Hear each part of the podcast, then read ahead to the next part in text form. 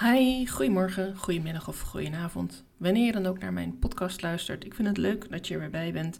En ik wil je graag iets meer vertellen uh, over hoe jij jouw eigen verhaal kunt delen met jouw doelgroep.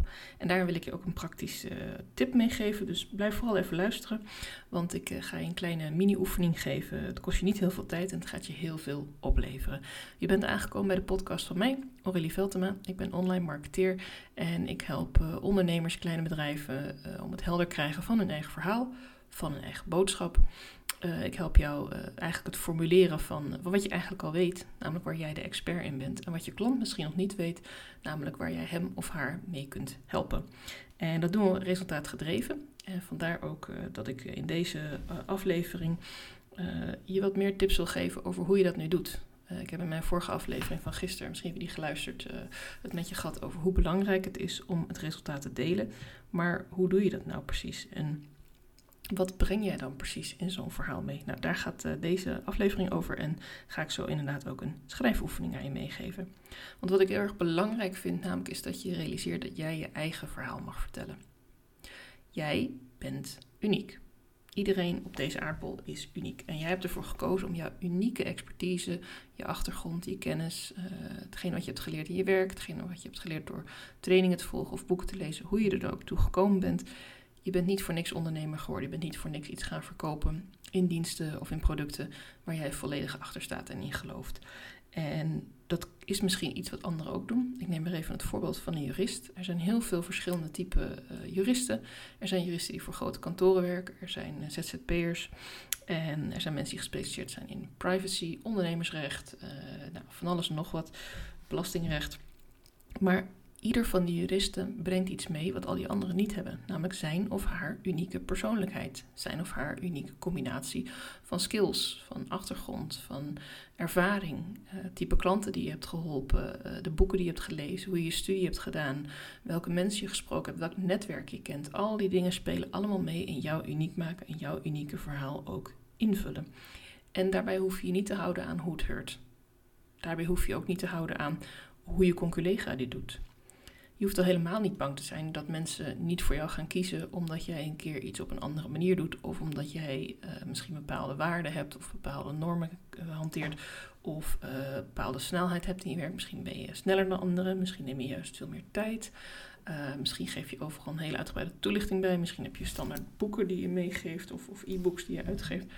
Wat ook hetgeen is wat jou uniek maakt, dat is hetgene waarop jouw klant aangaat. Want je kunt namelijk niet iedereen helpen. En ik weet wel dat je dit vaker hebt gehoord. En ik weet ook wel dat je denkt, ja, ik kan niet iedereen helpen. Maar dat wil ik wel. Ik wil wel heel graag iedereen helpen. Ik wil wel ontzettend graag er voor iedereen kunnen zijn. ik wil Jan en Piet kunnen helpen en Annie. En ik wil ook uh, die mevrouw met dat hele grote bedrijf helpen. En ik wil eigenlijk ook die mensen die uh, een start-up zijn begonnen. Ik wil ze allemaal helpen. Maar je mag beginnen met wat maakt jou uniek en wat past daarbij? En wat kun jij precies brengen? Wat is het resultaat dat je klant bij jou kan komen halen? Want niet iedereen is op zoek naar dat resultaat. Stel nou voor, je bent een jurist en je bent heel erg goed in het opstellen van bepaalde privacy-overeenkomsten. Uh, je zorgt dat in de algemene voorwaarden die je opstelt, de privacy gewaarborgd is. Je bent er heel veel mee bezig. Je hebt campagnes over uh, cookies.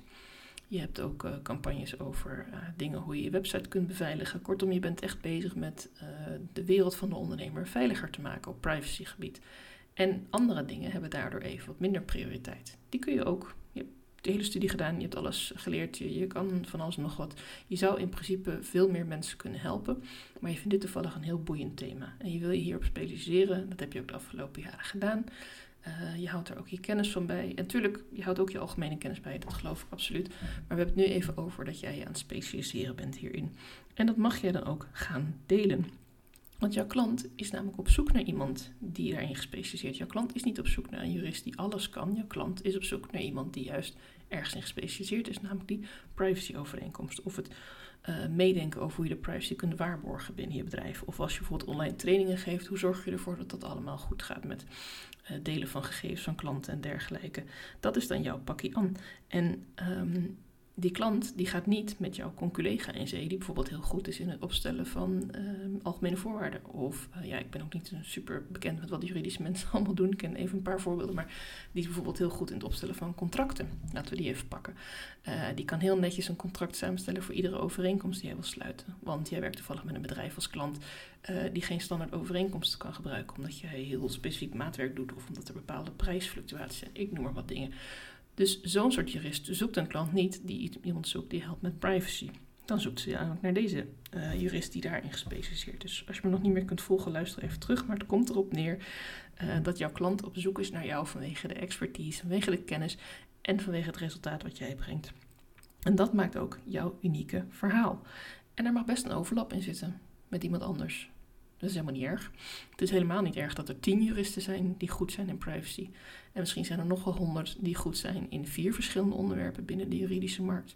Misschien zijn er juristen die gespecialiseerd hebben in belastingzaken, maar die daarnaast het ook heel erg leuk vinden om ook iets met privacy, regulering te doen. Of die uh, bezig zijn met uh, toegankelijkheid of met andere wetgeving. Of, dat kan, maar jij hebt die keuze niet zo gemaakt. Jij hebt een bepaalde keuze gemaakt voor jouw vakgebied. En of jij nou schoonheidsspecialist bent, jurist, uh, of jij nu een, um, een, praktijk hebt als een healer, of uh, dat je massages geeft aan mensen, of andere vormen van therapie of coaching.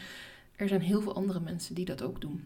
Er zijn heel veel andere mensen ook die marketinglessen geven, of die marketingcoaching aanbieden, of marketingstrategie meedenken. En toch ben ik uniek in wat ik breng, en ben ik uniek in de manier hoe ik erover praat, hoe ik erover denk, hoe ik met jou mee kan denken. Um, wat bijvoorbeeld mij heel erg uniek maakt, is dat ik echt met jou helemaal in jouw zaak duik. Dat ik helemaal ga kijken van, hé, hey, waar ben jij nou de expert in? En waar zit jouw klant op te wachten? En waarom moet die klant voor jou kiezen en niet voor iemand anders? Wat maakt jou uniek? Wat maakt jou bijzonder? Waar zit jouw verhaal in? En daarom heb ik een oefening bedacht. Dat is heel simpel.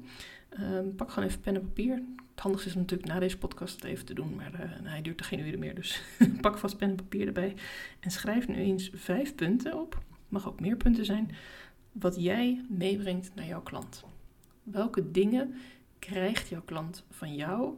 En heb ik het niet over uh, wat ze ook bij de bakker kan halen of wat ze ook bij uh, een conculega van jou kan halen, maar wat krijg ik als ik met jou in zee ga? Denk bijvoorbeeld aan uh, meer rust in mijn hoofd. Denk aan een gevoel van veiligheid. Denk aan heldere algemene voorwaarden voor mijn business. Denk aan meer inkomen. Denk aan passief inkomensstroom.